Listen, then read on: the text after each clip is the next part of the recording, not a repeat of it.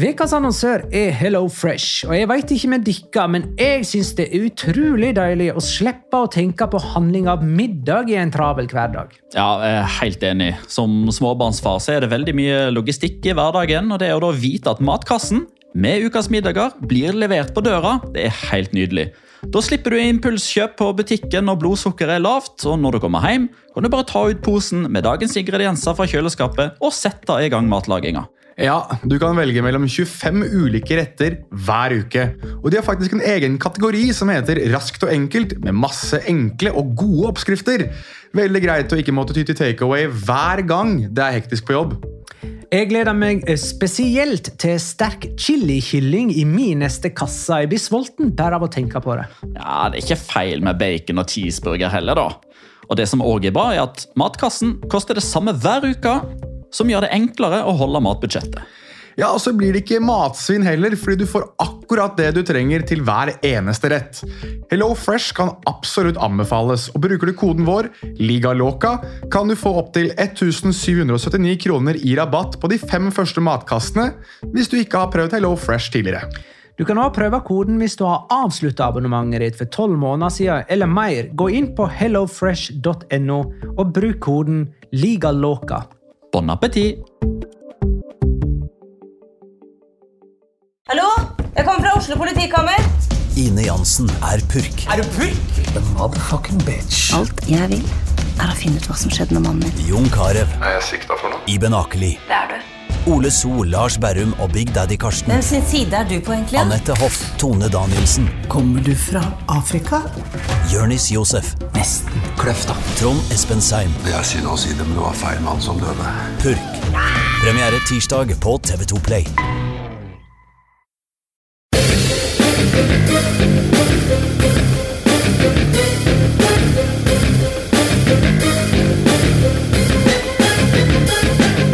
Har du sett? I nest siste runde spratt Valencia opp på fjerdeplass for første gang denne sesongen. Men det er jo én runde for tidlig. Getafe tapte framfor 40 000 tomme seter på kamp nå, men de skal jo nå spille hjemme mot Villarreal, som er i bakrus etter å ha berga La Liga-plassen allerede.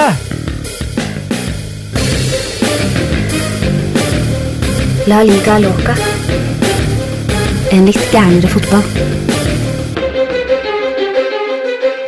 Ja, ja, ja. Dette er La Liga Låka, episode nummer 76 av det ordinære slaget med Petter Veland, hei. Hei. Jonas Giæver, hei. Skidi menn! Og Magnar Kvalvik, hei. Hei, Magnar. Ja, eh, vi har vel faktisk litt å snakke om når det gjelder sist helg, Jonas, av sånn private ting. Fordi at du sitter her med sånn der eh, World Wrestling Federation-skjorta, eller heter ikke det WWF lenger? Nei. World, World Wild Foundation, det. De måtte endre Ja, navnet sitt fra WWF til WWE, så nå er det World Wrestling Entertainment. Ja, jeg eh, klarte jo eh, i fjor en gang, eh, på sommeren vel, å bestille billetter til eh, det første showet de skulle ha i Oslo noen gang. Det showet skulle egentlig være i november, og tenkte at det var helt greit. og så ble det utsatt og satt opp da til eh, 12. mai. Og eh, den gang da tenkte jeg ikke så veldig mye over det, men eh, det sammenfalt jo plutselig med kanskje den mest dramatiske, eller en av de mest dramatiske serierundene denne sesongen, så jeg eh, gikk faktisk glipp av eh, samtlige kamper direkte. Var det i det tidsrommet? Det var det. Uh, showet starta, om jeg, som jeg husker riktig, starta vel faktisk akkurat samtidig som det sparket i gang. Ja, men takk for at du kom i studio, da. Nå kan du gå. Ja, nei, men vi ses i neste uke, folkens. I dag skal vi Og, og, snakke ikke, om og, og ikke kom tilbake. Nei, det er mange som sikkert blir fornøyde med det hvis ikke jeg kommer tilbake. Altså, den prioriteringa der Altså, Det er terningkast så langt minus, altså. Du skal ikke prate. Du gikk glipp av El Clásico for å være på Melodi Grand Prix, altså. Ja, med min kone. Ja, jeg har Ja. venner som jeg drar på Hva er verst å miste? Kona eller et par venner? det spørs, litt på, om, det spørs litt på om du har kone, det. Vet Det har ikke Vet jeg. du hva, Petter? Det hjelper ikke å komme med unnskyldning. Nei, det gjør ikke det. Altså, Fakta er fakta. Han var på World Wrestling Entertainment på nest siste serierunde. Du var på Grand Prix eh, under El Clásico. Jeg mista én kamp, han mista ti. Ja, du mista El Clásico. Jeg synes det er det, samme som Nå, nå er vi i mål! Yes! Med den, Men jeg har oppdatert meg, så jeg henger med. Jeg har sett eh, kamper på Petter Wæland-måten, så Det er den nest beste måten å se det på. Ja, det er det. Det er det. Og en del høydepunkter. Men eh, skal vi Det var jo sånn da at i denne runden så ble alle ti kamper spilt eh, samtidig. Det vil si at jeg har sett én. eh, Det var Barcelona-Getafe. Men jeg forsto jo at det var drama rundt omkring i Spania parallelt med den kampen. Um, det er helt åpent fortsatt, eller iallfall ganske åpent om uh, Champions League-plass. Det er ganske åpent om sjuendeplassen, altså den siste europaligaplassen. Det er ikke så veldig åpent om hvem som rykker ned, men mer om dette etter hvert. Vi begynner med Champions League-plassen. Barcelona Getafe 2-0. Uh, det var 57 000 tilskuere på, eh, på kamp nå. Det betyr, som jeg sa i innledningen, da, eh, 40 000 eh, ledige seter. Var det eh, det tydeligste signalet på misnøyen til Barcelona-fansen? Ja, på en måte så er det jo det. Jeg fikk jo plutselig assosiasjoner til den der gode gamle 20 000 tomme seter jubler for Ja, ja. Lyn-sangen i eh, introen din her. Som, Det var jo dobbelt så mange tomme seter. ja, ikke sant? Så to lynkamper eh, som man eh, da ikke, da ikke var supportere. Men uansett, så jeg tror det Man er jo litt ferdig med denne sesongen her, da. For eh, hvis man er Barcelona-supporter, og, og Getafe er jo ikke det mest sexy laget å få på besøk, og Men jeg tenker jo Ja. altså Selv om Barcelona ikke hadde noe å spille for her, så har jo laget pleid sånn tradisjonelt å trekke mange fans og turister pga. både attraktivt spill og attraktive spillere. Og er ikke det det mm, signalet her er, at eh, dette er ikke interessant nok eh, uten det helt store å spille for? Det er nok et poeng, men samtidig så er det jo veldig mange som Du tenker på turister osv. så videre. Jeg vil jo tro at det er veldig mange fotballturister akkurat nå Altså, De fotballturistene jeg kjenner, legger som regel turene sine til litt tidligere i året, for nå er det eksamenstider, og nå skal folk bli ferdig på skolen, og det er, litt hektisk på jobb for sommerferie og sånn, så det er ikke så enkelt å ta ferien nå. Eh, Ikke at jeg vet om det er grunnlaget for hvorfor 40 000 tomme seter eh, står på kamp nå, men Eh, men så det sammenfaller det også selvfølgelig med det at jeg tror ikke at det var så spennende å dra på en kamp som, der, der det ikke var noe å spille for, der laget var på en low etter eh, det som foregikk i Champions League. At det, det rett og slett sammenfalt med at eh, alt som eh, kunne gå galt, har gått galt den siste uka for Barcelona, og det reflekteres litt i at at eh, Vox Populi ikke er spesielt interessert i å være der. De som ikke kom, er jo de lokale, vet du. Eh, og det Det er jo å tenke at det, det er turistene som faktisk er der. Turistene var der. Eh, Ja, det er et godt poeng. Kanskje ikke i like Ja. stor grad, men og det, og det la jeg veldig merke til, eh, fordi helt i begynnelsen av kampen, før du begynte å kommentere, og når du var litt stille under, underveis der, så, så var det var så stille. Det var så stille, og det var, det var stille til over, For å være en Barcelona-kamp, så var det ekstra stille, eh, og det er ikke der det er mest trøkk i utgangspunktet i en kamp som dette her. og det er vel kanskje det, det farligste signalet man kan få etter en sånn kamp som mot Liverpool. da. Det er jo mer den likegyldigheten. Vi bryr oss ikke. Ja. Jeg tror nesten man hadde vært litt mer fornøyd hvis det hadde vært flere som møtte opp, og flere som eh, ytra misnøye, enn at det var 40 000 ledige seter og stille som graven. Mm. Eh, merker ikke at eh, publikum bua mot Coutinho med en gang han fikk ballen. Og etter hvert så ble det en slags konkurranse mellom eh, et splitta publikum, da, der noen begynte å klappe hver gang han hadde ballen, for å vise at eh, det er ikke unisont eh, at vi er imot deg, Ja, det var sånn de holdt på på Santiago Bernabeu med, med Gareth Bale, Yep. vel? For uh, Var det på tampen av forrige sesong, tror jeg? Var det jeg skulle fram til jeg også her nå. Ja. Jeg husker uh... Mange likhetstrekk Ja, de det, blir, to. det blir så ille at det til slutt eh, blir en gjeng som får sympati. ja, ja, med det er. Sympatiklapping. Mm. Det, det har man ikke lyst til å få.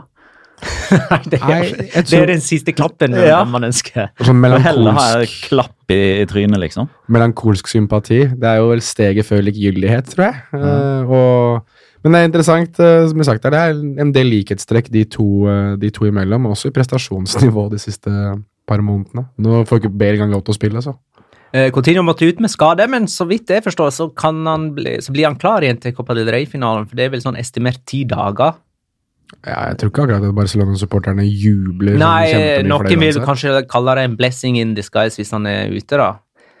Eh, og Med Dembélé og Suárez ute fra før av, så er jeg ikke helt enig i det. Ja, Suárez er jo ute. Stemmer det. Ja, og Dembélé blir sannsynligvis ikke klar. Eh, så ja, ja, men nå har jo Abel Ruiz og sånt fått debuten, så da kan det jo skje noe likevel. Barcelona er 18 poeng framfor Real Madrid, og det blir sagt at eh, de, vil- de vil sette ny differanserekord om de holder den avstanden her, i alle fall i en trepoengsliga. De har aldri hatt mer enn 17, som de hadde forrige sesong. Mm.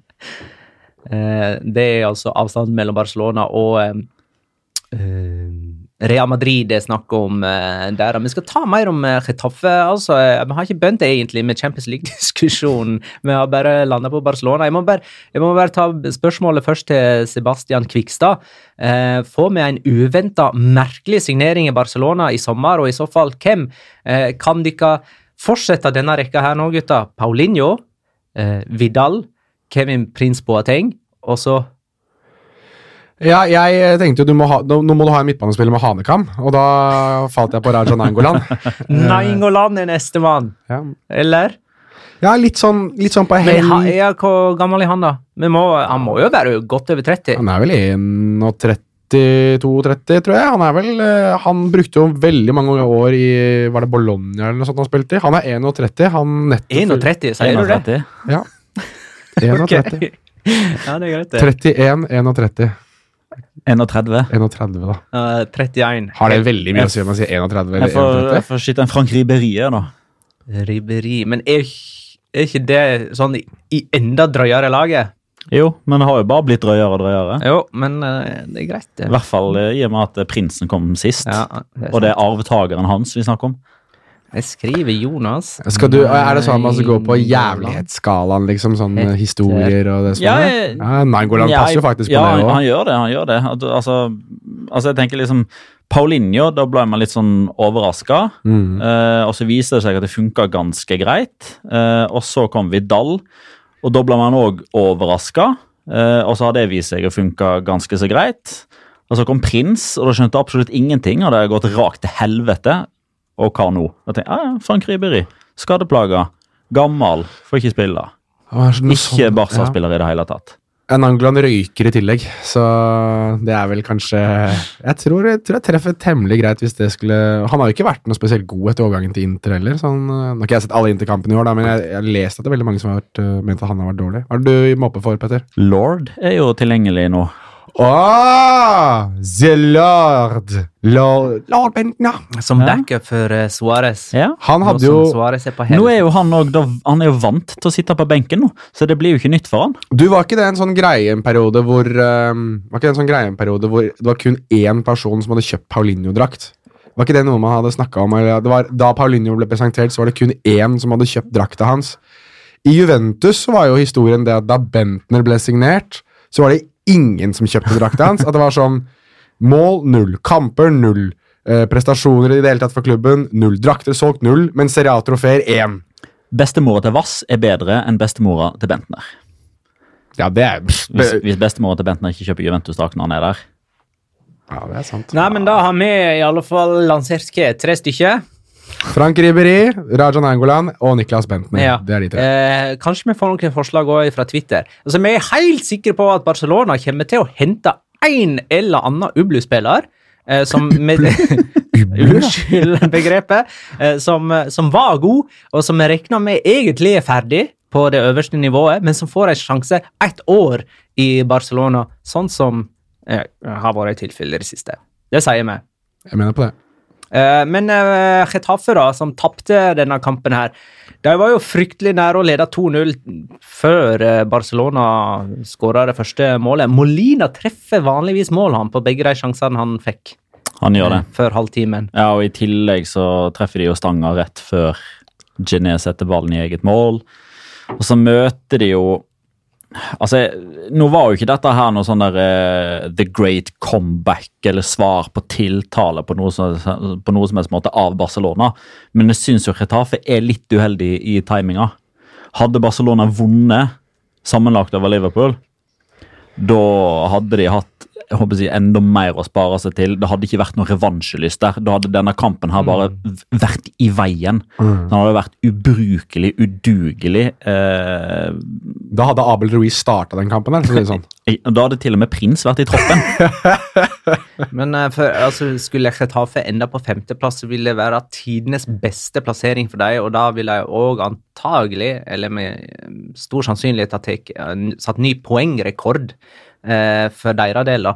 Eh, men likevel så Ja, vil jo er det et kanskje men der?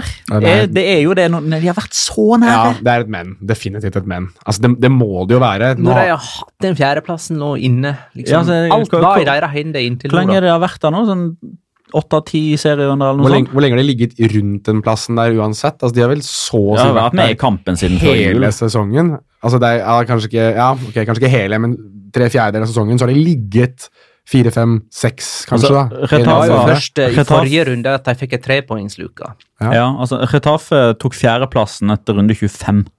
Den hadde de fram til 31, og så ga de den bort til Sevilla etter runde 32. Og så har de vært der nå etter de siste fire, og nå er det um, Valencia som har den. Men ja, Ja, du- etter, etter 13 serierunder så var de nummer 12, og etter det så har de liksom bare opp til fjerdeplassen. Ja, men du som har statistikk på det her, når var det første gangen de var oppe fra, på sjetteplass, for eksempel, da? Når Retafe var på Når, du- når du kan si at nå var de virkelig i kampen.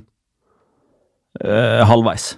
Halvveis, ja. ja, Ja, de tok eh, sjetteplassen etter 19. serierunde. Ok, ja, men da, halve sesongen da, så har de ligget i den posisjonen der, altså i, eller i rundt den posisjonen der. Og da mener jeg at hvis det glipper nå nest siste serierunde, så er det, da er det et men. Da er det definitivt et men for Getafes del, fordi at det, vi snakker om et eventyr der avslutningen faktisk ikke blir god. Uh, og Da er, det jo så til, da er det jo i så tilfelle ganske passende da, at dette eventyret faktisk handler om Retafe. ja, Og at de ikke ender godt. Nei, mulig. Men det hadde vært fint, eh, og det sier jeg selv som Valencia-supporter. Jeg synes faktisk det hadde vært litt gøy hvis de hadde klart det, men ja. Det, fotball er ferskvare, og alle andre klisjeer du kan komme på. Wow. Uh... jeg vet ikke, hei, eh, det er alltid når den der fotball er ferskvare kommer inn, så, så vet jeg ikke liksom Hvorfor passer den setningen inn akkurat nå? Det er vel mer det, er vel mer det at du kan være veldig, veldig god uh, denne uka her, og Ja, så er du møkk neste uke. Ja. Ok, nei, men apropos uh, Valencia, da. De eh, slo jo uh, Alaves hjemme. Um, Chimo Navarro førte Alaves i ledelsen. Carlos Soler utligna med sitt første La Liga-mål denne sesongen. Bra timing. Por, por primera vez contra el Alaves. Ja. Eh, Santimina skåra bare ett, tror jeg eller ei, og Gameiro eh, gikk, eh, førte dem opp i 3-1. Magnus eh, Garung eh, skriver hvorfor kommer Valencia til å spille uavgjort eller tape i helgen nå når de endelig er inne på topp fire igjen? Uh, han har en dårlig magefølelse. Det har helt- han for hver eneste fotballkamp. det er greit. Men helt uavhengig av det spørsmålet, så, så kommer altså Chris Robin Eriksen med en kommentar til oss. Valencia har enda til gode å vinne tre på rad denne sesongen. Nå har de to på rad. Det kan jo ikke gå, tradisjonen tru. Eh, så der svarer jo han på spørsmålet til Magnus, da. Han gjør det. eh, og tilbake igjen til det som i utgangspunktet er litt sånn uflyt for, eh, for Retafe. Det er jo at Valladolid er jo trygge nå. Ja, Valladolid er verter for Valencia i siste runde, mens Getafe har Villarreal hjemme, og disse to klubbene, altså Getafe og Valencia, ligger av poeng, eh, men Valencia har bedre innbyrdes, og derfor er de nummer fire. Og historien viser jo at eh, det laget som må vinne i siste serierunde, gjør som regel det. Hvis de møter et lag som ikke har noe særlig å spille for. Eh, og Ronaldo, gode gamle, sultne, sultne Ronaldo, Aksjemajoritetseier i Valladolid. Han har jo gitt spillerne fri til torsdag. okay. Fordi nå er plassen sikra. Og jeg kan si dere en ting, en som har sett Ronaldo på byen, det, det smeller greit i veggene når han eh, går ut i eh, badeshorts og Golden State Warriors-jakke på Lavvo utebar i Oslo sentrum. Ikke sant? Jeg kan også sa det? Jo, det var Sid Lowe jeg hørte på tidligere i dag, som fortalte en historie som han hadde hørt fra en annen, fordi han hadde eh, hatt en intervjuavtale med Ronaldo Jeg har feeling at jeg vet hvordan på en er. eh, restaurant. Og eh, han journalisten skulle være der i god tid. Du kommer ikke for seint hvis du skal møte Ronaldo. Selvfølgelig. Nei, det Ronaldo var der allerede. Han har satt og gomla. Han har bestilt nesten alt som var på menyen. Altså, ja, Nei, jeg skal ikke si noen ting. Men, men, han lever livet, og det skal han få lov til, Ronaldo. Det er lov. Eh, Gameiro skår, han har skåra 19 mål som innbytter i La Liga siden han kom i 13-14. Flest av alle i denne perioden. En joker. Eh, og Det er altså første gang denne sesongen at Valencia er på fjerdeplass. De har aldri vært så høyt oppe denne sesongen. her. Skal vi ta nisselua på og kalle Gameiro for La Ligas svar på Ole Gunnar Solskjær? Ja. Ja. Um, en etterlengta opptur da for Valencia eh, i det som har vært litt tunge tider i siste, inkludert den Europaliga-exiten mot Arsenal. Men hvis de avgir poeng da mot Valladolid i siste runde og mister den fjerdeplassen, så er det jo like fullstendig bekmørkt igjen. da.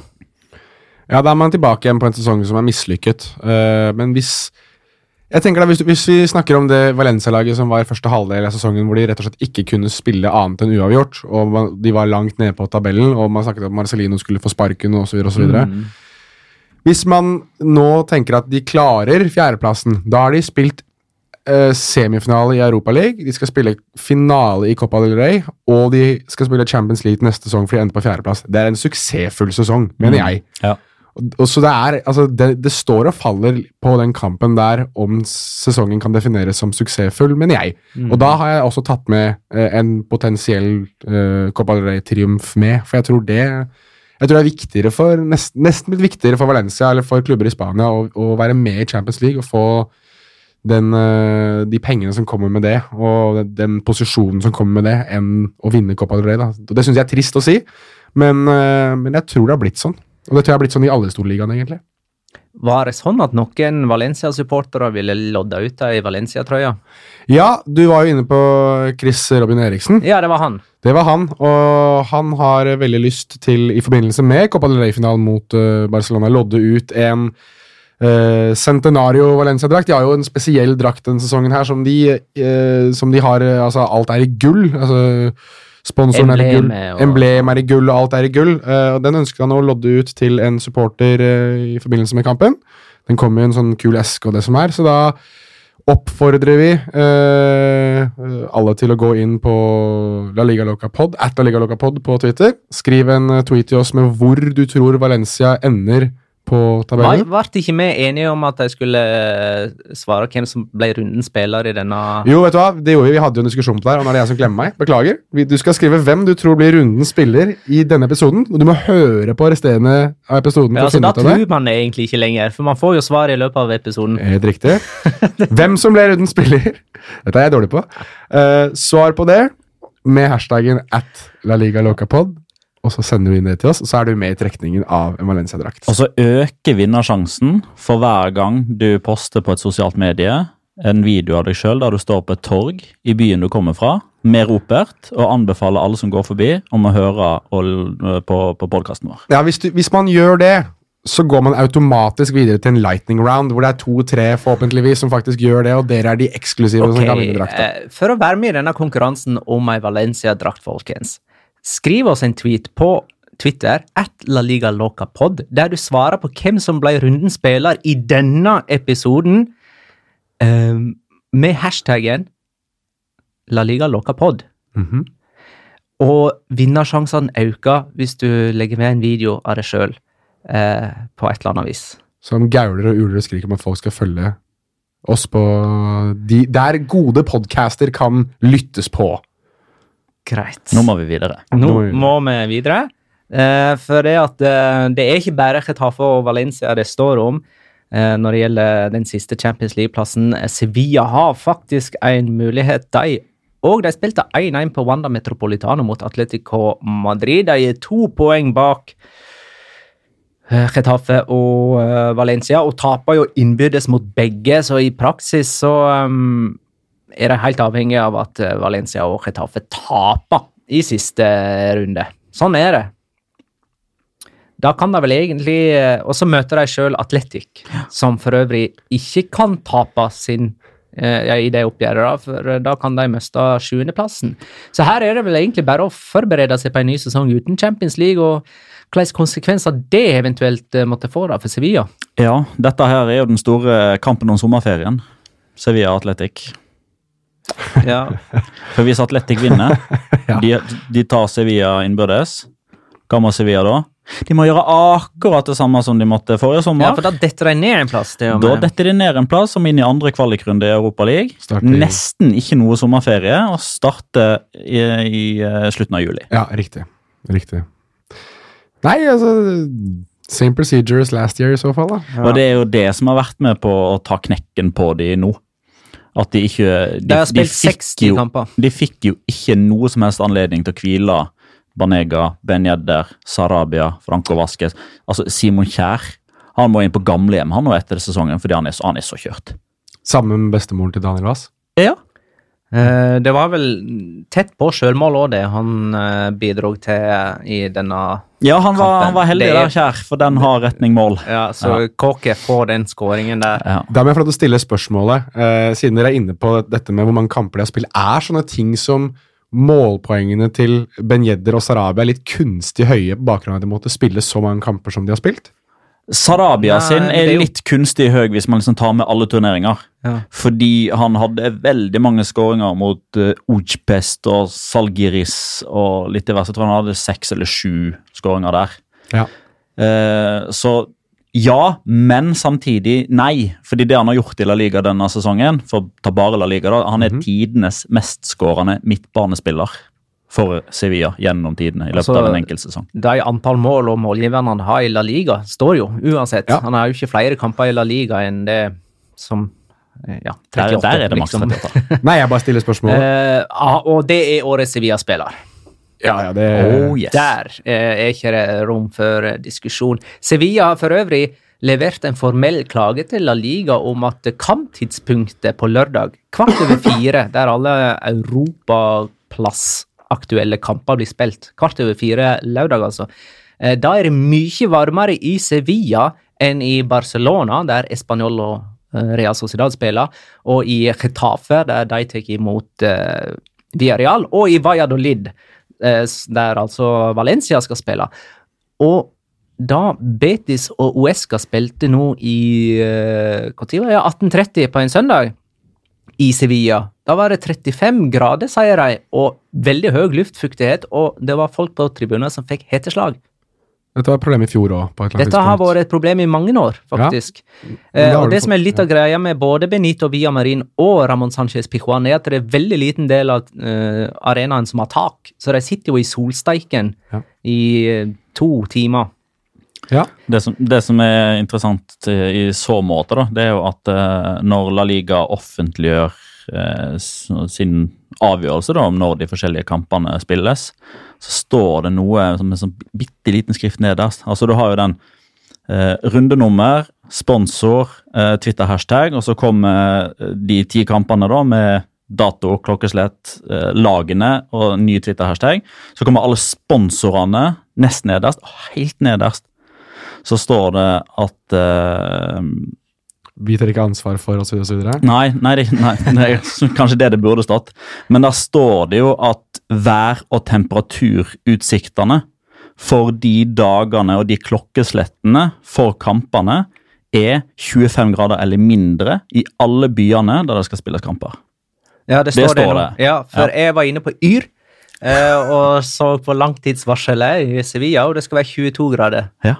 Og det skal nå være overkommelig. Det skal Eh, absolutt være overkommelig. Det det er mindre i de andre byene der eh, kamper blir spilt samtidig, men likevel 22 grader skal være overkommelig. Men så er det jo dette med luftfuktighet og, og den følte temperaturen og alt det Ja, der. og dette kan jo endre seg. Altså, Ja, værmelding er jo ikke statisk ei uke fram i tid. Eh, og, og har, altså, nå, nå fikk det jo ikke noe som helst for å få konsekvenser, og ingen brydde seg om det, fordi kampen i seg sjøl var ubetydelig. Men Betis og Esca, der var det jo så varmt, som du sa. Der måtte de jo ha denne innlagte drikkepausen som gjør at det går tre minutter uten at noe skjer, og det blir tre ja, tilleggsminutter. Joaquin skåra jo i de 98. Den skåringa har jo absolutt ingenting å si, men der kunne man ha fått et scenario der alle andre kampene var ferdige. La oss si at, at Uesca, da, de trengte eh, eller, eller Betis, da, de trengte den skåringa for å ta en Europa League-plass. Mm. Uesca ned uansett. Mm. Altså Ja, der kan det skje ting. Oppta skriver om Diego Godin. Han har vunnet 768 eh, 62 hoveddueller. Flest av alle forsvarere i La Liga i den perioden han har vært i Atletico. Eh, og på søndag tok han farvel med sitt publikum på Eh. Wanda Metropolitano. Var det 769? To, 262 store. Jeg vet ikke hva jeg sa. Nei, an antall hode du har vunnet. 260. To. 762. 762? Ja. Mhm. Jeg har 761. Men de har sikkert tatt med den med Neto. For der er det jo Diego Godin som er på ball, og så blir han slått ned og mister Men du ja. kødder nå. ja, ja, ja, ja. Velkommen til statistikkpodkasten med Petter Weile. Jeg har ikke en egen oversikt over antall uh, hodedueller Diego Godin har vunnet. Atletico Norvega vil at vi skal hylle den Hyll! mannen. Eh, han fortjener vår hyllest. Det jeg lurer på, er han tidenes beste Atletico-forsvarer? Ikke bare sånn med tanke på hvor god han har vært, men hvor lenge han har vært, og hvor stabil han har vært over de årene. Og hvor god klubben har vært mens han var der. Mens han har vært der med to Champions League-finaler og ikke minst da en La Liga-tittel. Og, og med han som sjef og avgjørende i eh, La Liga-tittelvinnersesongen. Ja, i min levetid så er det ingen som går over ham på noen som helst måte. Og Ja, Det spørs om det er oversikten vår som faktisk uh, gjør det litt vanskelig å si. ja, det, altså, man må jo prøve å ikke bli historieløs i sånne, sånne diskusjoner som det. Altså, jeg, jeg sier nok at for min del så Jeg kan ikke komme på noen som Altså, det er ingen, det er ingen Alfredo Di Stefano-type som jeg tenker at han var bedre enn Diogo Din i forsvar, for eksempel. Eh, så jeg, jeg har han som nummer én eh, på min, min liste. Og, og, men det som jeg synes blir hans ettermæle på sett og vis i Atletico Madrid, er jo hvor undervurdert han var i så lang tid. Altså Det var jo lister med de beste midtstopperne der han i gang var på topp ti. Hvor, hvor han på min liste, og jeg så eh, veldig mange av de stopperne som ble nevnt, og jeg så Diego Din, og jeg tenkte han er jo bedre enn samtlige her. Det er ingen som er bedre enn han, egentlig, men du legger ikke merke til det fordi Hvorfor ikke? Det var liksom, jeg visste ikke det engang heller. Det var fra og med 11-12-sesongen. Ja, Det var til 11-12-sesongen han kom, ja det var vel det. du det? For uh, han var jo med å sende Villarreal ned i 2012, var ikke han det? Ja. Var det 2008? Jeg mener jeg husker at det var da. Uansett, så, så altså, du, Han har vært der i ni år, ikke sant? det? Kom sommeren 2010. Ah, det var såpass tidlig. 10-11, da. Han er nok Ja, nummer én. Den eneste jeg kan an, håper jeg, analysere meg ved hjelp av tall. For jeg har jo aldri sett Isathi og Calleja Garcia spille, fordi han eh, er født i 1936. Men han, han har spilt flere kamper enn Godin over lengre tid, og, og han vant eh, sju trofeer, mens Godin har vunnet åtte. Så den eldste sesongkorthaveren vil sikkert minne folk om denne Calleja, men jeg har aldri sett han spille. Har ikke noe forhold til han, så for min del så er det jo Godin. ja, jeg, fikk, Uten konkurranse. jeg så at det var noen som nevnte Amaranto Perea, og det syns jeg er bare helt uh, Nei, få det vekk, da. Helt tull. Han colombianeren? Ja, altså men Eneste det er grunn til at han nevnte han var der så lenge. han var, jo, og så Da var han en kulthelt. Ja. Og fordi Diego Godin, da han ble den mest spillende ikke-spanske spilleren til Atletico Madrid, så var det han han gikk forbi. Ja, Så da tenker kanskje folk etter mot. Ja, Ja. ok, ja, mm, jo, jo. Ja, jeg, jeg synes, ja, Men nei. Ja, nei, jeg er helt enig. Men, eh, så jeg har han uh, som den beste. Og jeg tror også, hvis jeg skal sette opp et sånt all-star, all, all time med lag fra jeg begynte å følge La Liga til nå, så tror jeg Godin går inn på en av midtstopplassene. All right. Nei, men eh, skal vi gå videre i episoden? Ja. Mm. Hyll, hyll til Godin. Og hyll, hyll til Godin. Og eh, om litt snakker vi både om nedrykksstrid, eh, Real Madrid-kamp og eh, den siste europaligaplassen.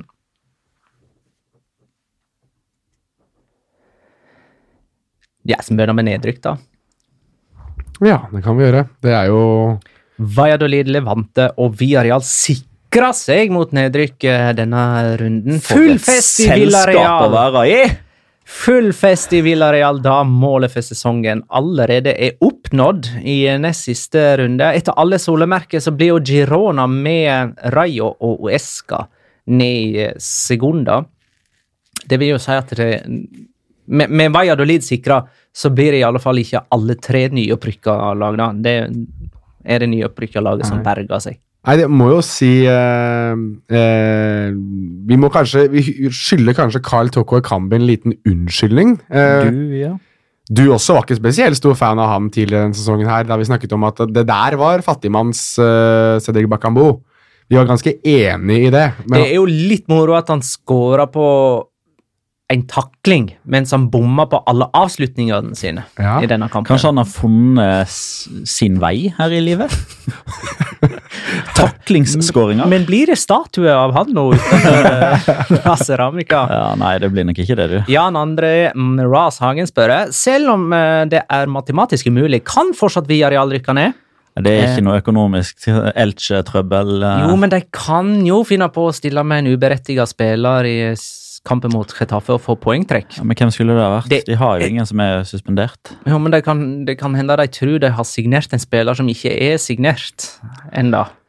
Eh, altså, alt kan skje. Sander Berge Stråmann. Det kan fortsatt gå gale for uh, Villarreal. Vi utelukker det ikke. Men synd med Girona, da. Altså, Girona Levante er jo rundens mest dramatiske kamp. Ja. Um, der førte jo uh, Stuani Girona i ledelsen etter en time. To minutter etterpå utligna Morales. Eh, og så Etter det så trodde Girona at de hadde fått straffe, men det var visst ikke likevel, sa videodommer. Og litt etter det så skåra altså Enis Bardi for Levante, som med det sikra seg eh, ny La Liga-kontrakt. Eh, og etter alle solmerker sender Girona ned. Kan vi nett ta den der straffetingen? Mm. Hva var det for noe? Det som skjer, er at uh, ballen spilles inn i boksen til Girona, Uh, og så heades ned mot Pere Pons, midtbanespiller, som løper mot målet og forsøker å strekke seg etter ballen. Når den ak akkurat ikke. Eh, og Kåke, Levantes høyreback, er involvert i, i den situasjonen. Dommer blåser. Eh, opp med rødt kort for å frata Girona en åpenbar skåringsmulighet. Del Cerro Grande, er det ikke? Del Cerro Grande som tar den. Eh, og så er det jo den altså Når protestene kommer, så er det den vanlige fingeren opp til øra. Så bare, ja da, altså de, de sjekker det. Hvis dette er feil, så, så går vi tilbake inn på det. Eh, og så går det jo ei stund. Og så holder han seg til øra igjen, for han får eh, beskjed. Og så gjør han vartegnet, løper ut og ser på skjermen. Og spillerne står og ser at dommeren står på skjermen, og alle tilskuerne sitter og ser på spillerne som ser på dommeren som ser på skjermen. Og alle er jo full av spenning, for dette her er Ja, her Den avgjøres. avgjørelsen avgjør nesten alt. Mm. Og Del Cerro Grande tar en Mateo Lahos light. Bare light, for han kommer med dette VAR-tegnet. Han Og- og gjør ing-. Og ja, nå har han bestemt seg. Mm. Uh, går ut, snur seg til publikum, gjør VAR-tegnet, eh, men informerer ikke om hva avgjørelsen er. Før han går bort til kåket, og så viser han et imaginært kort og tar hendene sine sånn i et kryss, Mm. og for, liksom for å viske det ut. Det teller ikke. Men han gjør ingenting i forbindelse med altså, men straffesituasjonen. Fordi han går mot straffemerket, Ja. så folk får jo en sånn forventning. eh, Ok, greit, det, det var ikke en åpenbar skåringsmulighet. Det var ikke så kynisk. Han, Det det han prøvde. først, jeg ok, han, han- får okay, ikke kortet, kort, men, men, men- men, straffen står, trodde folk som var der. Og dette er det Sid Lowe som har fortalt, for han var der. Uh, og det ser du hvordan det går og går. Og Stuani står jo på straffemerket Ja. med, med ballen, Ja, klar til å ta den. Ja. Men så går dommeren forbi straffemerket og stopper på seks meter, der forseelsen skjedde, eller den angivelige forseelsen skjedde, og forklarer da at nei, her er det dropp. Ja. Det var ikke noen forseelse. Og den mentale smellen som Girona-spillerne da får når de, altså, Trekorner straffe, bla, bla, bla. Straffespark er mål for Girona. Det er Christian som tar Stuani den. som tar den. ja. Han har satt 16 av 16. Han hadde satt nummer 17 av 17. ja. Og som du sier, Magnar, bare noen minutter etterpå Bardi 1-2. Men, men det er jo liksom eh, Kåke var jo ekstremt eh, innbitt på at det ikke var straffe, og han sto jo og veia med hendene, og her er ikke jeg borte og sånn. Det var så typisk at når Bardi setter den skåringa, og han bryter ut i gråt med en gang, han står og holder seg til ansiktet og gråter for han har skåra målet som mest sannsynlig sikrer de plass i La Liga også neste sesong. Eller sikrer en plass i La Liga neste sesong. Og hvem er førstemann til å stå og riste tak i han og stå og riste i han, nesten slå han i ansiktet? Du klarte det, du gjorde det. Det er selvfølgelig Kåke som står og holder på. Så det er Altså, øh, og når vi er inne på tårer og sånt nå, har dere, jeg vet ikke om dere har sett øh, Eusebio Sakristan etter Jo. kampen, hvor Ja. han, Jeg har ikke sett det nei, han bryter sammen i gråt. Han på sitter, pressekonferansen. ja, beklager seg til publikum, beklager seg til Girona, beklager seg til sportsdirektør, til spillere, til fans, til hele Catalonia. Han, er, altså, han var så nedbrutt, han. Fordi hvis, De vet jo alle sammen at det, nå er det over. Ståa er jo sånn, da, at uh, Girona ligger på 18.-plass, tre poeng bak Celta Vigo. Og så er det jo først og fremst uh, det interne som eh, teller av uh, ved poenglikhet. Og det er jo mulig at det blir poenglikhet her, men det, da, Girona slo Celta Vigo 3-2 hjemme og tapte 2-1 borte. Eh, Bortemål teller ikke. Og så teller ikke bortemål. Dermed så er det helt likt. Jeg var for øvrig helt overbevist om at bortemål Ja, jeg telte. trodde også det. Eh, er dette noe nytt? Altså, har, har ikke det telt Nei, det en gang i tiden? Aldri. Nei. Nei, men, og det er bra, eh, for det, at det å rykke ned på bortemålsregelen, det blir jo for Ja, dumt. det blir, og det blir jo noe helt annet, for det er ikke dobbeltoppgjør. Nei, ikke sant? Det er ikke cup. For når de spilte mot eh, Celta Vigo hjemme i november, så visste de jo ikke hvor viktig bortemål i den kampen skulle være. Så det ville jo ha vært helt horribelt. Så det er likt internt mellom dem, og så har altså Celta Vigo en målforskjell som eh, er bedre enn eh, Girona sin, på seks eh, skåringer. Så de må ha seks, de må ha seks måls uh, Ja, swing, da. 3-0 seier og 3-0 3-0 seier til Girona og 3-0 tap til Celta Vigo burde vel gjøre jobben, eller må de opp i sju? Nei, de må opp i sju, fordi Ja, altså, Celta Vigo har skåra flere mål. Ja, ikke sant. Så det, det er 3-0 og 4-0. som- Ja, og Celta Vigo møter jo allerede nedrykksklare Raiva Ekano på hjemmebane. Mhm. Så det ble jo ganske godt oppsummert av spikeren på Montelivi, som sa takk, eh, spillere takk, trenere takk, fans. Eh, vi, vi kommer tilbake.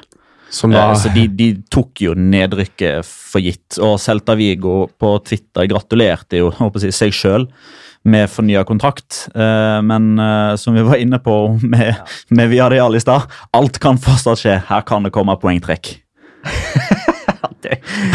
Men eh, Celta. Vigo feira jo plassen forrige helg. Da Ja, da, da de eh, slo Barcelona. Ja. Eh, For øvrig, Girona har mista åtte poeng med baklengsmål fra det 85. minutt og ut eh, denne sesongen. Dette skal Så- jeg finne svar Jeg skal stille et spørsmål til meg sjøl nå, sånn at jeg husker å finne ut av dette her til neste pod, som da blir vår sesongoppsummering. Har et lag noen gang rykka ned med en spiller som har skåra 19 mål? Og har man noen gang rykka ned med en spiller på laget som har skåra over 50% av målene til klubben som rykker ned? 53, er det ikke det han stoppa? Prosentvis. Tror jeg så mange Ja, han har 19 av 36, i hvert fall. Jeg tror det er 53. Uansett, eh, jeg eh, eh, sitter og ser på hjemmestatistikken til Girona, og de siste 13 kampene deres har de én seier, altså. Ja, på hjemmebane. de Ødelagte dette på hjemmebane. Og den kom mot Den seieren, Ja. via Real. Nei, Robin Hood, Sevilla. så klart. Sevilla. Naturligvis. Um, Nei, men du Sju tap, for øvrig. Det, det er synd. Det er Gironas første nedrykk fra den øverste divisjonen. Eh, Da ryker eh, Ja, da er det ett færre.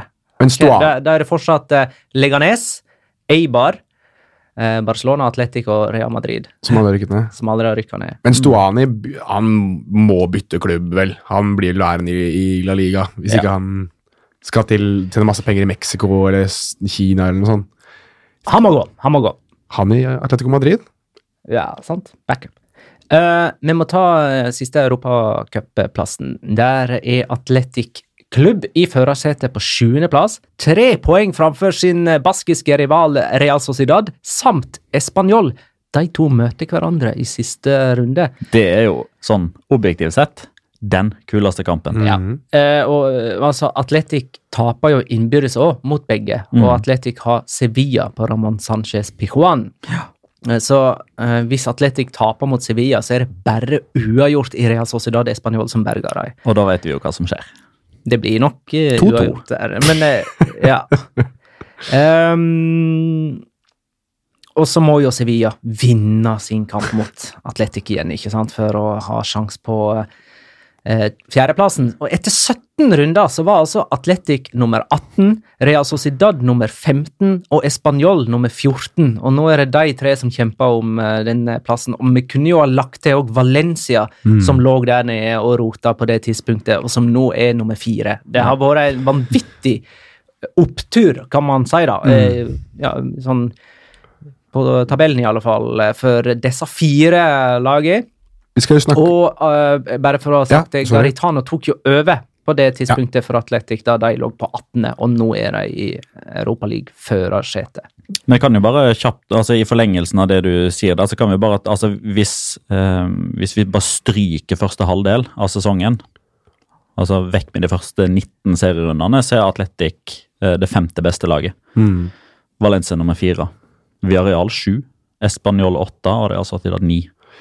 Det er jo litt uh, kult at du nevner uh, Garitano her. Fordi jeg, Nå skal vi stemme over og gi litt priser, og sånt, det er sikkert neste episode. Men hvis ikke det hadde vært så åpenbart at det er Pepe Bordalas som vinner den Jeg vil jo tro at vi alle sammen har han, men uh, altså Geiske Garitano i, i Atletic og den der turnarounden de har hatt, eh, den synes jeg er eh, en av sesongens store høydepunkt sånn hvis du ser på en trenerprestasjon. For der løfter du en av de virkelig gigantene i spansk fotball som har, vi må være såpass ærlige å si, har underprestert en del år nå, og som har egentlig ventet på en eller annen til å bære de litt opp. Jeg sier ikke at dette kommer til å vare over lang, lang tid, men det å få den positiviteten inn i laget igjen Og han må jeg strengt tatt si altså Garitano er vel førstemann som virkelig har fått Inyaki Williams til å se ut som den spissen, eller se ut som den angriperen som for fem år siden man satt og tenkte at wow, han der, altså, han, han kan bli virkelig verdensklasse.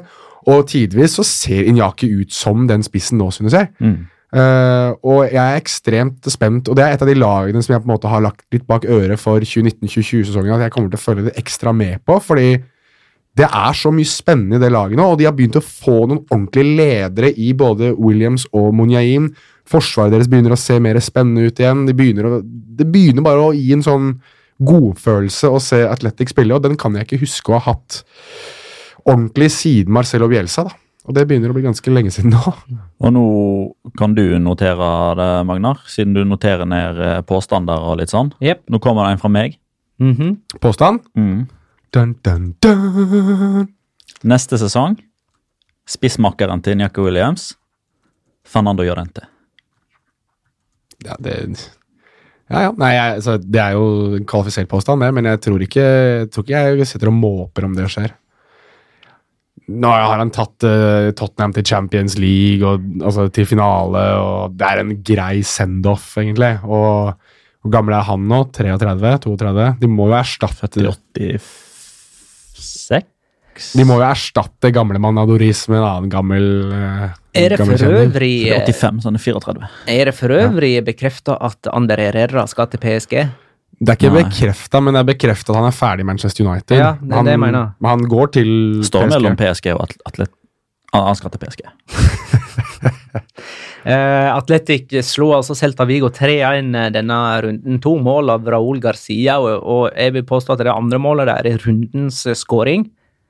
Ja. Det spillet som de varte opp med der. Kapa til Williams, til Ja, Monjain, til Raúl. Garcia. Ja, har Førsteplass i så fall. Jeg har vel en annen. Jeg, jeg veit vet at jeg liker han andre bedre, men uh, dette der Det gjør du òg, altså. Jeg har sansen for Raúl Garcia, ass. Men også likte jeg godt etter det målet, og jeg er mer objektiv enn dere på akkurat det. Ja, det Det er noen som blir gammel ost også, men Så ja, det er i likhet med Valencia så er altså Atletic på sitt høyeste punkt akkurat nå. De har sin beste Bra timing. posisjon. Ja, altså Det jo enda på det, på det høyeste punktet på en sesong. Det, det er bra. Men eh, de som Barcelona gjør jo det. Ja, de har ikke vært høyere enn nummer én. Det er helt riktig. um, hvordan er det, da? Atletic er nummer sju med 53 poeng. Og Ja. så er det altså Real Sociedad og Español bak der med 50, og begge tar Atletic på innbyrdes. Dette har jeg sikkert sagt. Eh, Real Sociedad slo Real Madrid 3-1 på nye Anoeta, som blir enda nyere til neste sesong. Det blir jo litt Men moro. har vi lov til å kalle det for nye Anoeta når det er en, så lenge Samme stadion? så er det bare den samme stadion. Ja. Det er greit. Eh, Brahim Diaz hadde jo egentlig et eh, rundens mål, en rundens målkandidat òg, -hmm. når sant skal sies. Det kom jeg på akkurat nå. Eh, mens Mikkel Merino utligna for Real Sociedad. Saldoa førte dem i ledelsen. Og 17 år gamle Ander Baranechea uh, satte inn 3-1. Og så satte han seg på sykkelen sin og sykla hjem. Ja, ja det gjør han. Eh, han debuterte som 16-åring, men nå har han jo blitt 17. da. Eh, og jeg det mener han er tidenes yngste som har skåra på Real Madrid i La Liga. Ja, han er tidenes yngste målskårer for Real Sociedad, og den niende yngste i La Liga-historien. Jeg så en tweet som der eh, denne skåringen eh, var, Denne skåringen var en gif uh, med teksten 'Made in Sobieta'. Det er en som kaller seg Ikerl. Oh, ja, du har, det skulle akkurat å ta det opp, jeg også. Ja, Jeg, ja, for eh, de- den skåringen til Barenechea, den, det er jo han Ahien Munoz. Munoz, som er 21 år, som legger inn til Oyarzabal, som er 22 år, som skyter i stolpen. Returen blir satt inn av Barenechea, som er 17. Alle er produkt av eh, Real Sociedad. Mm. Subieta, eh, som er akademien deres. Og de har jo um, Real Sociedad blir jo ofte trukket fram som en klubb som eh, enten klarer å forvalte eget talent sjøl, eller at de slår gjennom andre steder. Altså, du har jo selvfølgelig er det Barcelona, Real Madrid, Manchester United, Chelsea, de store klubbene som ofte er på sånne topplister. Lyon. Eh, men Real Sociedad er jo kanskje den eh, det minste storklubben som ofte figurerer på disse listene her. Eh, og bare denne sesongen da, så har jo både Roberto Lopez, Ayhan Munoz, Ander Barnechea, Alex Sola, Martin Thubimendi og Robin Lenormand fått sine La Liga-debuter. Det har òg Martin Merkelands, eh, som ble tatt opp i A-troppen rett før eh, sesongen starta. I tillegg til Og jeg syns det er, litt skuffende, Jonas, at du ennå ikke har nevnt denne spilleren i La Liga Loca-sammenheng. Ander Guevara. Oi! Han heter vel Guevara, men eh, det, det er jo fair, det. Jeg er med, jeg er med på ordspillet. Eh, jeg har vel hatt han på noen sånn Locora-lister før som jeg ikke har tatt med, for at det har blitt litt for narsissistisk. men eh, ja, Ander Guevara han har, eh, han har spilt en del kamper, han, og det, det har i noen svake øyeblikk blitt det er noen i det rommet her da, som har frekventert Real Sociedads klubbshop på nettet og skrevet inn hans navn og hans nummer og vurdert å trykke bestill, og kviet seg i siste øyeblikk. Um, Josu Galdos Fransen skriver Hvor god er egentlig Mikkel Merino? Våren hans har vært nydelig. Snakka med A-landslaget om to-tre år. Overdriver jeg? Jeg var i eh, Jeg var gjest i uh, podkasten You'll Never Talk Alone for et par uker siden. Det var rett før Liverpool skulle spille første kamp mot eh, Barcelona. Den hørte jeg, så jeg veit hva du skal si. Ja, ja. Og det er kult. Der fikk jeg vite at eh, den forrige Premier League-spilleren som dribla Virgil van Dijk, var Mikkel Merino. Å ja, Newcastle. Så, ja. Mm. så med mindre noe har skjedd de siste to serierundene der mot hva det var, Newcastle det også, og Wolves, eh, så, så er, er han fortsatt sistemann som har dribla Virgil van Dijk. Yes. Han, eh, han må jo gå rundt og tenke sånn Can we play you every week mot Real Madrid? Eh, altså For første gang siden var det 2003-2004. Ja, han spilte en fantastisk kamp på Santiago Bernabeu. Ja, Real. Sociedad vant jo begge kampene mot Real Madrid for første gang siden 2003-2004. Og, det- på Bernabeu så skaffa han straffe. Han var han som fikk eh, en motstander utvist. uten Lucas at jeg hvem det var. Ja, var Lucas Vasques, og hadde vel en målgivende i tillegg. I Og- denne kampen her så han både scoring og målgivende. Og han var eh, rundens spiller den runden. Det var Magna Kallik som, eh, som du utnevnte. Var det den runden? Ja, det var vel det. Og så fikk han rødt kort i neste runde. Ja, helt riktig. Yep. Men da Han både skåra- og Ja. Det var da den offisielle runden spiller-forbannelsen ble litt brutt. Fordi alle spillerne som Magna da hadde kåret til rundens spiller før det, gikk jo bare strak av veien rett vest til du kommer tilbake og møter deg sjøl i døra. Michael Merino, da var det både pluss og minus. Og etter det så må du skjerpe deg, Magnar. Nå har ikke disse jinxene dine gått så bra lenger. Men uh, han liker meg, Mikkel Merino. Det er en god Veldig. spiller. Han er bare, Elegant, han er bare 22. Ja. Eh, Det var så mange som snakka varmt om, hon, uh, om han da han spilte for Osasona. Spilte mange kamper for Osasona på nivå 2 da de var der, hvis jeg ikke husker helt feil. Mm. Og er jo en spiller som altså, Noen ganger så har man uh, noen sånne spillere som man bare veit er i sirkulasjonen på landslaget på bakgrunn av det de gjorde når de var ungdomslandslagsspillere. Altså, De har den relasjonen til eh, folk som jobber i fotballforbundet, enten om de er trenere eller om det er administrasjon. altså Alle i RFEF vet veldig godt hvem Mikkel Merino er, fordi han var ei sånn ungdomsstjerne som alle venta på. Uh, Atletic skulle kjøpe han for 20 millioner euro, Så sånt, han så han ikke så gikk han til Dortmund. Klarte liksom ikke helt å slå gjennom der, og så Newcastle, der ble det ganske mye bedre. Og så nå har han fått eh, sin første fulle sesong i La Liga og bare blitt bedre og bedre. Men jeg tror, tror spørsmålet rundt ham er jo om han klarer å vedlikeholde det høye nivået han har. For han, han dupper litt sånn i, i altså litt sånn opp og ned på hvor god han egentlig er. Og jeg tror at han er en sånn type som han, han har all den kvaliteten og alt det som skal til for å bli en virkelig virkelig, virkelig toppspiller. Og jeg tror bare det at ha- han må finne en måte å stabilisere seg på det nivået. Og vi diskuterte litt dette, litt dette med Oyer Fano, eh, Petter, eh, underveis i sesongen, om eh, Mikkel Merino. Og da var jo det at man, man snakket om at han var for treig, og om han ville det nok, og at han liksom ikke hadde, så ut som han hadde den der vilja. da. Og Det spørs jo litt om han kanskje har begynt å vise det litt nå mot slutten av sesongen, at ja, han har det, og han har det i seg. og Han må bare ha det en full sesong.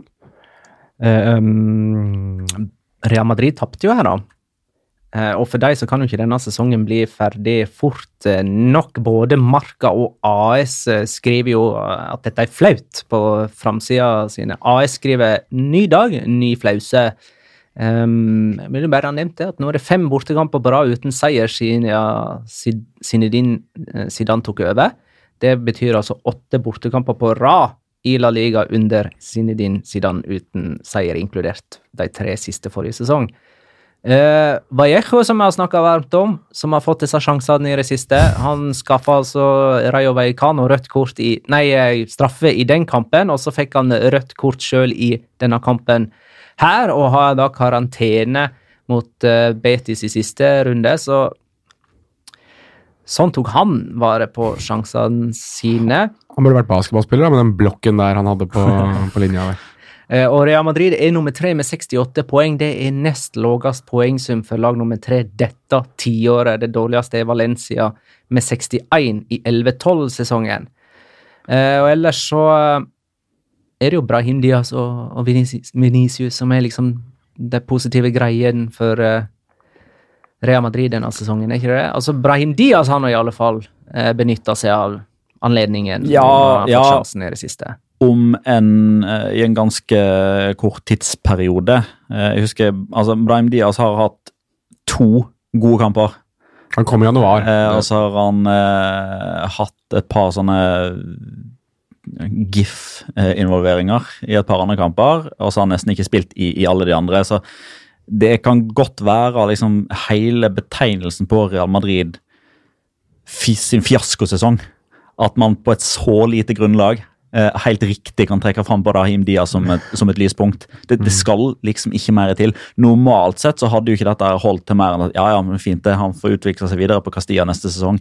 Nå diskuterer man om han skal være eh, en del av eh, satsings eh, punktet til Zidane neste sesong, eller han må til Sevilla eller Valencia, for der kan han spille fast allerede neste sesong. Altså, det, skal så lite, det skal så lite til før man griper disse halmstråene, da. Fotball er ferskvare og andre klisjeer. Ikke sant? Hey, Courtois da straffe ved å nesten bare bli stående midt i mål.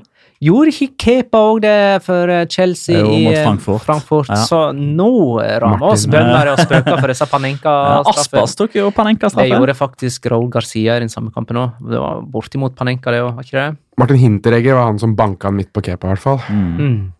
Ja, Men- så nå bønner de der å bli avslørt, da. Men, men la oss bare tide. ta eh, Jeg, jeg vet at det, dette her er liksom kanskje bare å strø salt i såret for de Real Madrid-supporterne som sitter og hører på, da. men bare for å tallfeste dere ræva denne sesongen har vært.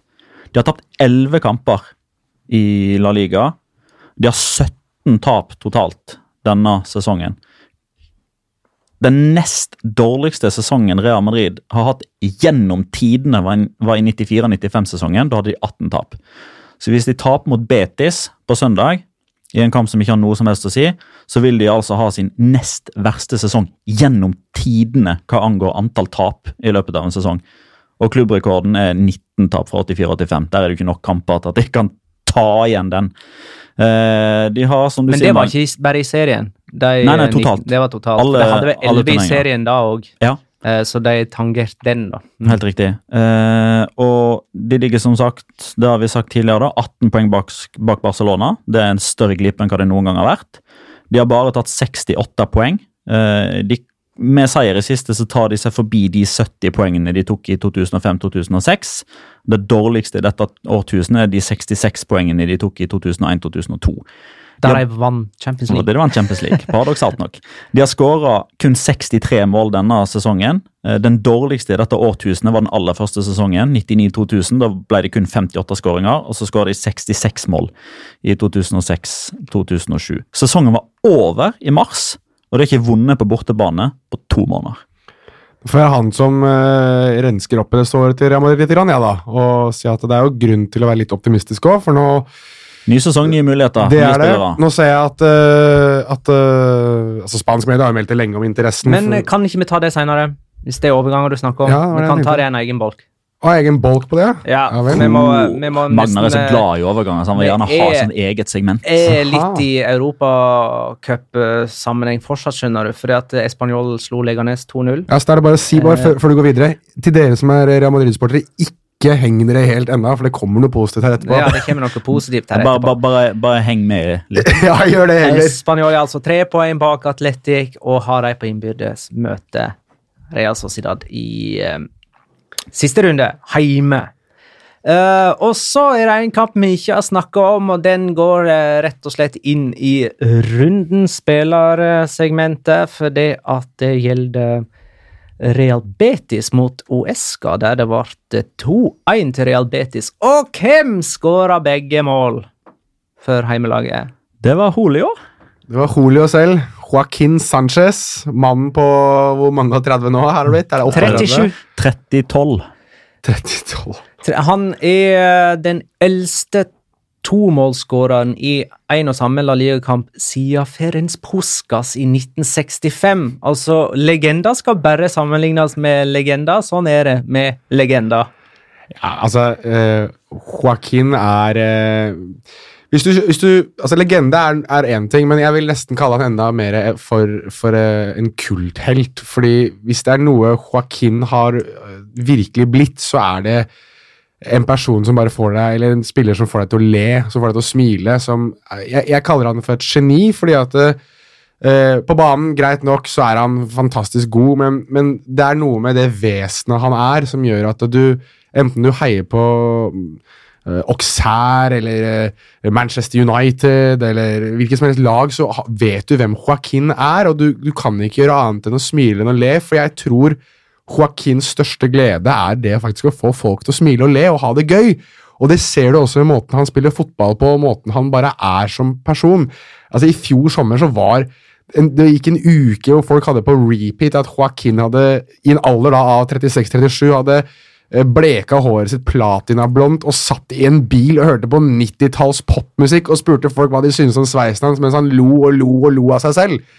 Altså Når du holder på sånn, og du bare, du bare deler av ditt vesen på den måten, så er du ikke annet eh, enn et geni. og eh, I tillegg så backer han opp, sånn som du sier, Magnar, med, med store prestasjoner selv i, eh, i den alderen han er i. Men han, det her har jo holdt på i mange år. Joaquin er ikke noe nytt fenomen. Nei, på ingen måte, men bare, han er som en vin han som blir bedre med årene, både på og utenfor banen. Og, og hvis man noen gang Jeg tror faktisk ikke jeg stjeler deler av eh, setninga mi fra deg tidligere nå, Jonas, men hvis man noen gang er sånn trist eller sur eller lei seg, eller sånt, bare gå inn på Instagram-storyen til Joaquin, og du er nesten garantert en latter.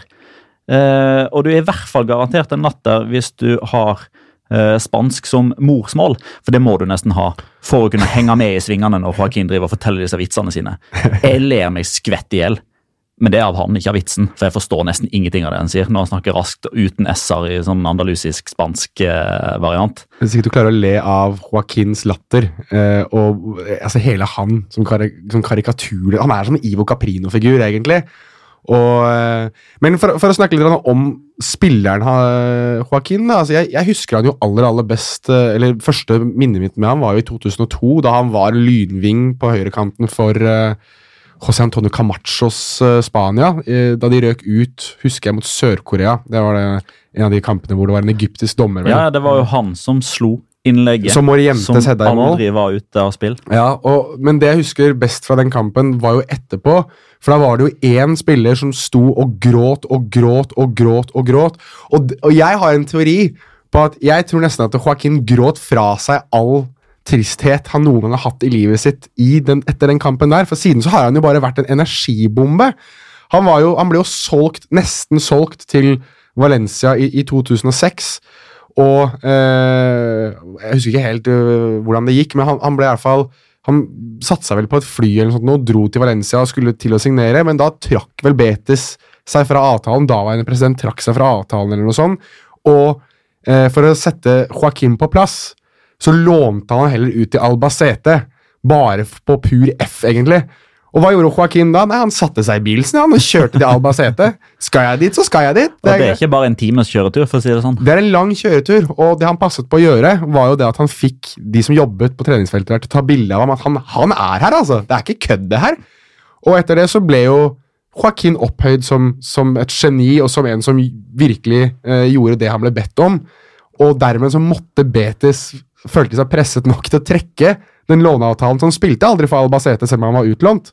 Og solgte han heller til Valencia senere i 2006. Det jo en spiller som eh, opp gjennom karrieren nå har over 850 offisielle kamper for klubb og, og landslag. Han er den sjette mestspillende spilleren gjennom tidene i La Liga. I begynnelsen av neste sesong så kommer han til å gå forbi Manuel Sanchis. Eh, han er godt innenfor rekkevidde til å ta både Francisco Boyo og nåværende Girona-trener Ausebio Sakristan, for de ligger ca. 25 foran. Eh, og så har han 104 kamper opp til Subisareta. Det er ca. tre sesonger. Det er godt mulig. Og de to skåringene som han hadde nå mot Uesca, den første var den 100. skåringa hans som profesjonell fotballspiller. Og den andre skåringa var hans 50. mål for Betis. Og Joaquin er faktisk Husker du når vi var på Champions Tour? Ja, Husker du at jeg ble eh, utestengt fra Twitter? det gjorde du. Det var jo Hawkins i feil. Og det er jo fordi Eller det var min feil, og Joaquin var involvert. Det var jo da han var med å vinne Copa del Rey med Valencia. Og det er jo et famøst uh, Joaquin-bilde som ligger ute på Google. som han nå nylig i et intervju påstår er photoshoppa. Han har bortimot sverga på at uh, på originalbildet så har han på seg ei truse. Det har han ikke på det bildet du la ut. Nei. Og dermed ble du utestengt fra Twitter. Ja. Eh, på en, det var en fire år gammel tweet Mm. som var årsaken til at jeg da ble utestengt fra Twitter i 24 timer. 6.9.2018. All right. Dette var ingen nekrolog. Men Nei, Dette var en hyllest til en som lever, og som ikke legger opp heller. Han har i alle fall én sesong igjen i eh, Betis. Og det er verdt å påpeke, bare før du går videre, at eh, Joaquin må vel være den eneste spilleren i La Liga som eier en del av klubben han spiller for. For han har jo i hvert fall, er i hvert fall blitt rapportert at han har kjøpt 2% av aksjene i Real Betis, og er faktisk en registrert klubbeier, sånn delvis i hvert fall. Deleier i en klubb. Det er mulig. Nå må vi snakke litt om eh, de store overgangene som eh, du har så lyst til å skyte ut nå, eh, Jonas.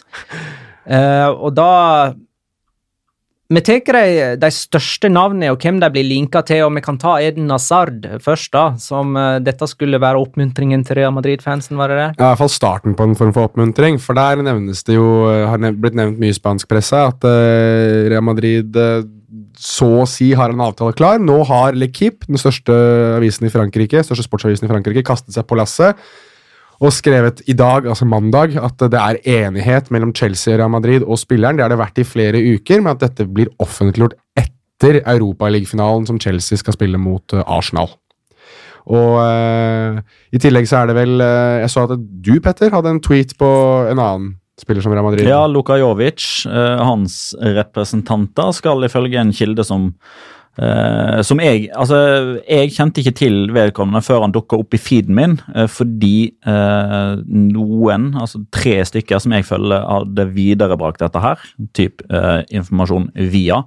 Og da tenker jeg Hvis de stoler på han, da kan jeg godt stole på han òg. Og det blir jo så, i så tilfelle bare påbygg fra AS sin artikkel for en uke halvannen siden, som mente at Frankfurt og Real Madrid er så å si enige om overgangssummen, og nå er altså representantene til Jovic i Madrid, hvis vi skal tro eh, dette her. For nå, nå begynner jo den Frankfurt-sesongen å bli ferdig. Det ble ikke Europaliga-finale for dem. Det er kun én serierunde igjen. De mislyktes fatalt mot Mainz eh, søndag ettermiddag, og det tapet der blir jo sannsynligvis eh, medvirkende til at Frankfurt ikke kommer seg inn i Champions League og trenger pengene i enda større grad. Eh, og ja, Jovic har vi jo egentlig nevnt litt sånn før, da, hva vi tror om han. Så kanskje vi skal gå videre til en som er i La Liga, og som kanskje blir værende i La Liga, men vi veit kanskje ikke helt for hvilken klubb. Nei, det er vel uh, tid for uh, la decision nummer to. Uh, for eh, The, the sequel. the sequel, og um, At den blir garantert dårligere enn eineren. Ja, Og det det- kommer på Netflix. Ja, det må det. Men ja, altså det nevnes jo både av Cadena Ser og Cadena Kåpe at det er usikkerhet rundt Antoine Griezmann igjen, og at uh, man Cadena Ser som, uh, som har sagt at i flere instanser i Atletico Madrid så har de tatt det for gitt at han er enig med Barcelona om en overgang, Uh, men så har vi Cadena Kåpe, uh, det er Ruiz uh, for navn. Antonito. Antonito Ruiz som sa at der er de usikre på framtiden hans. Eh, men det, det, ligger jo litt an til at han kanskje har lyst til å, å dra. Uh, han har kanskje ikke sett at det har blitt nok eh, utvikling, men jeg synes Min personlige mening rundt det at når du skal sitte og holde på sånn hver eneste sommer, så må du bare dra til slutt. Og må klubben si at til syvende og sist at du kan ikke holde på sånn hver eneste jævla fuckings sommer, altså. Nå er det nok. Jeg driter i hvor mye NBA han eh, Griezmann ser på, hvor mye free agency han blir eh, påvirket av. Det er greit, det. Sånn holder de på i NBA, men der har de litt annen kontraktsituasjon og litt andre måter å gjøre ting på. Um, men å sitte og holde på sånn med, med en klubb som faktisk har opphøyd deg til den største stjernen sin gang etter gang etter gang, og kastet seg etter deg gang etter gang, det kan du ikke gjøre. Det er eh, litt skamløst, synes jeg. Så nå, nå håper jeg egentlig, hvis han gjør det her igjen nå, så håper jeg Atletico Madrid sier ja, men ta så stikk, du. Det går fint, det. Vi ordner opp. Eh, er det noen andre sånn store som, kan, eh, som har noe mer på? Ja, det er verdt å nevne Paul Pogba, da. Uh, okay. For han blir vi sikkert spurt Til om. Real Madrid? Ja, den, Der nevnte Lekip i forlengelsen av den, denne Azard-avtalen at det virker som Pogbas lønnskrav kan bli for høye for Real Madrid. Og det har jo vært uh, Han er jo Mino Raiola, som er utestengt for øvrig, eller er, eh, er eh, suspendert i tre måneder nå. Uh, det er sikkert masse loopholes der som han kan benytte seg av, men han er jo kjent for å be om veldig veldig mye i kompensasjon og veldig veldig mye lønn til spillerne sine. så det kan jo være at det setter kjepper i hjulene for en, en Pogba-overgang. Og det nevnes også at det er Zidane i første omgang som ønsker Pogba, og ikke nødvendigvis Real Madrid, fordi de er litt usikre på hvor god Pogba egentlig er. Og så skal altså Fernando Llorente til Atletic Klubb. Så da har vi tatt de største, og da er det tid for Locura! Ukens La Liga Locura. Locura. La Liga Locura. Noen som har lyst til å begynne? Jeg kan begynne, jeg, da. Eh, og det er jo litt i, eh, i det, dette med å dra på kamper, og vi har jo alle blitt eh, kjent med Botarque, og en av grunnene til det er jo de nydelige, nydelige, nydelige bocadillosene som de serverer der. Og det er virkelig en gastronomisk opplevelse, det å dra til Botarque for å spise disse. Det er Du får det med chorizo, du får det med jamon, du får det med bacon, du får det med det aller meste, men det smaker som en bit av himmelen uansett. Så eh, det skar jo ordentlig i, i hjertet mitt da jeg så um, eh, Lowe viderebringe eh, en tweet eh, fra en kar som kaller seg Javier Martin, som jeg ikke er helt sikker på hvem er. Men Jo, som, han er as ja, det er Kiko Martin. Sorry, herregud. Jeg har han som Kiko, ikke som Javier. Han er eh, i dette tilfellet dessverre veldig Ja, troverdig. Det er han faktisk. Sorry, jeg har han som Kiko i hodet mitt, ikke som Javier. Men han skriver jo da at uh, ifølge troverdige kilder så kommer ikke Leganes til å fortsette med Bocadillos neste sesong, fordi de skal da ha mer kald mat som de skal servere på Botarque. Og eh, oppriktig talt, til fotballsupportere som hører på eh, Jeg skulle likt å si nå må dere valfarte til eh, Leganes, men det er jo litt sent nå. Ja. Kan hende de spiller en jeg- treningskamp. Ja. Jeg Altså- trodde det var bare den med bacon. At uh, det er ikke er Bocadillos i sin helhet, men en variant. Ja, ja, altså, det står med altså, pancetta eller altså, Ja. pan, ja, men det er vel Jeg vil vel tro at de mener generelt sett Nei, det er bare Det skal det, være kald, altså kald mat, står det her. At de skal bytte det ut med kald ja, mat. Så de kan ikke ha De skal ha bacon. sånn som det er på alle andre. Ja. Jeg vil jo tro at Nei, det er mulig. Jeg eh, får ikke opp den tweeten. Nei, jeg, håper, jeg håper at du har rett, altså. Jeg håper virkelig du har rett, Fordi jeg kan godt spise alle de andre for så vidt òg. Er hvis det er bare den ene, så ryker jo denne locoraen, og du må finne en annen. Nei, da, da ryker locoraen min i det hele tatt. det, den, er- det er greit, det. Men eh, jeg er glad jeg har vært der og opplevd det. Samme her. Eh, jeg tar min, nå. Ja. Hvis ikke du har Nei, kjempelyst. Eh, for en av de store hakkekyllingene i La Liga Loca-redaksjonen denne sesongen, eh, han har jo gul drakt og spiller med nummer fire. Han heter eh, Ramiro Fones Mori. Eh, men når klubben trenger han som mest, da klinker han til med følgende. 36 av 38 pasninger gikk til medspiller. Han vant åtte av åtte hodedueller. Han hadde seks klareringer. Han vant ballen elleve ganger. Fem taklingsforsøk ga fem vellykka taklinger. Og han er den beste stopperen i La Liga denne serierunden. Når de trengte han som mest. Alt han har gjort de siste 36, bare glem det. Han er best. Ferdig. Ja, nei, men det, fotball er ferskvare. Jeg Og, alle sånne klisjeer. Jeg skulle akkurat til å si det. Jeg skulle akkurat til å si det. Eh, da kan jeg runde av eh, dette her med Girona, som altså etter alle solemerker rykker ned. De har vunnet på Santiago Bernabeu og Mestalla. De har spilt uavgjort på kamp nå og hjemme mot Atletico. De slo sågar Atletico ut av Copa del Rey. De har sleget Sevilla, og de har også spilt uavgjort mot Getafe, og dermed tatt poeng fra alle topp seks-lag denne sesongen, og rykker altså ned. Den er drøy. Hmm. Ja, nei, det, jeg, vi tok jo den lista, eller den rekka med hjemmekamper. uh... Ja, det er mye, mye negativt man kan Altså, si om kun- resultatet deres òg, altså, men potensialet deres tilsier at det, dette er et øvre halvdel-lag, på en måte. Nå, nå kunne jeg ha sagt et eller annet sånn kompetitivt, og sånt, men eh, nei, jeg skal la det ligge. Ble ikke de nummer ti forrige sesong? Jo. Øvre halvdel. Hva du skulle si, sa du? Nei, Jeg skulle si et eller annet om kompetitivt, eller sånn, men, men jeg lar det ligge. Ok. Ja, det var det der, ja. Ja. Greit. Nei, men da er det bare tippingen som gjenstår. Og nå er det siste serierunde, gutta. Siste magadrag. Siste magadrag. Barcelona-Chetafe var forrige kamp. Eh, Det ble 2-0 med Arturo Vidal som første målskårer. Petter hadde 3-1 med Suárez som første målskårer. Det gir ett poeng. Ja, det var jo 26. før jeg fant ut at han måtte under kniven. Ja. Jeg hadde 2-1 med Arturo Vidal som første målskårer. Det er vel tre, det, da. Oi! Jeg er oppe på 27. Hei! Jonas hadde egentlig 4-0, eh, som ville gitt ett poeng, men vi overtalte han til å ta uavgjort med Piquet som første målskårer, så altså null. Piquet var ikke langt unna, altså. Nei, det var jo han som hadde avslutningen som Vidal skåra på Hold retur. kjeften din, da. Nei, men du har vært, det var fryktelig nære. Du, er bare, du har 16 poeng og er bare 10 poeng bak eh, Petter. Jeg føler meg, jeg føler meg som Real Madrid, nå som titter opp Barcelona. I siste runde har vi jo kamper som Sevilla Athletic, som er ganske kul. Valladolid Valencia er ganske kul. Og Español Real Sociedad eh, er òg ganske kul.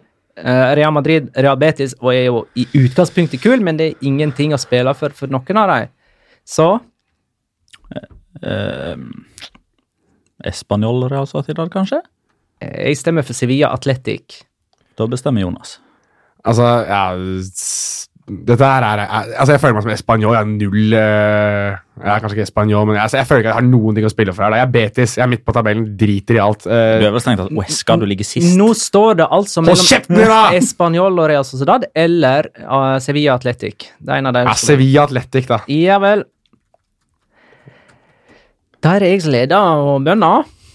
2-1 og Sarabia. 2-0 og Ben Yedder. Det er det som er kjipt med å være sist uh, til å tippe, at du må jo bare ta det samme som oss.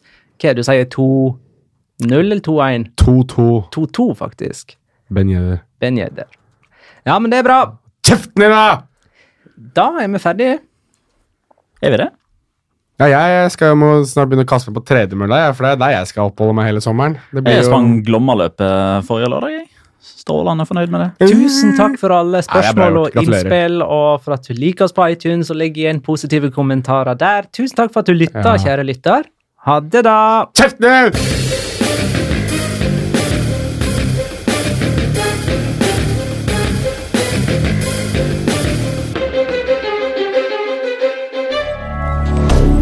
Moderne media.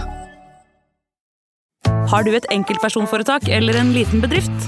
Da er du sikkert lei av å høre meg snakke om hvor enkelt det er med kvitteringer og bilag i fiken, så vi eh, gir oss her, vi. Fordi vi liker enkelt. Fiken superenkelt regnskap.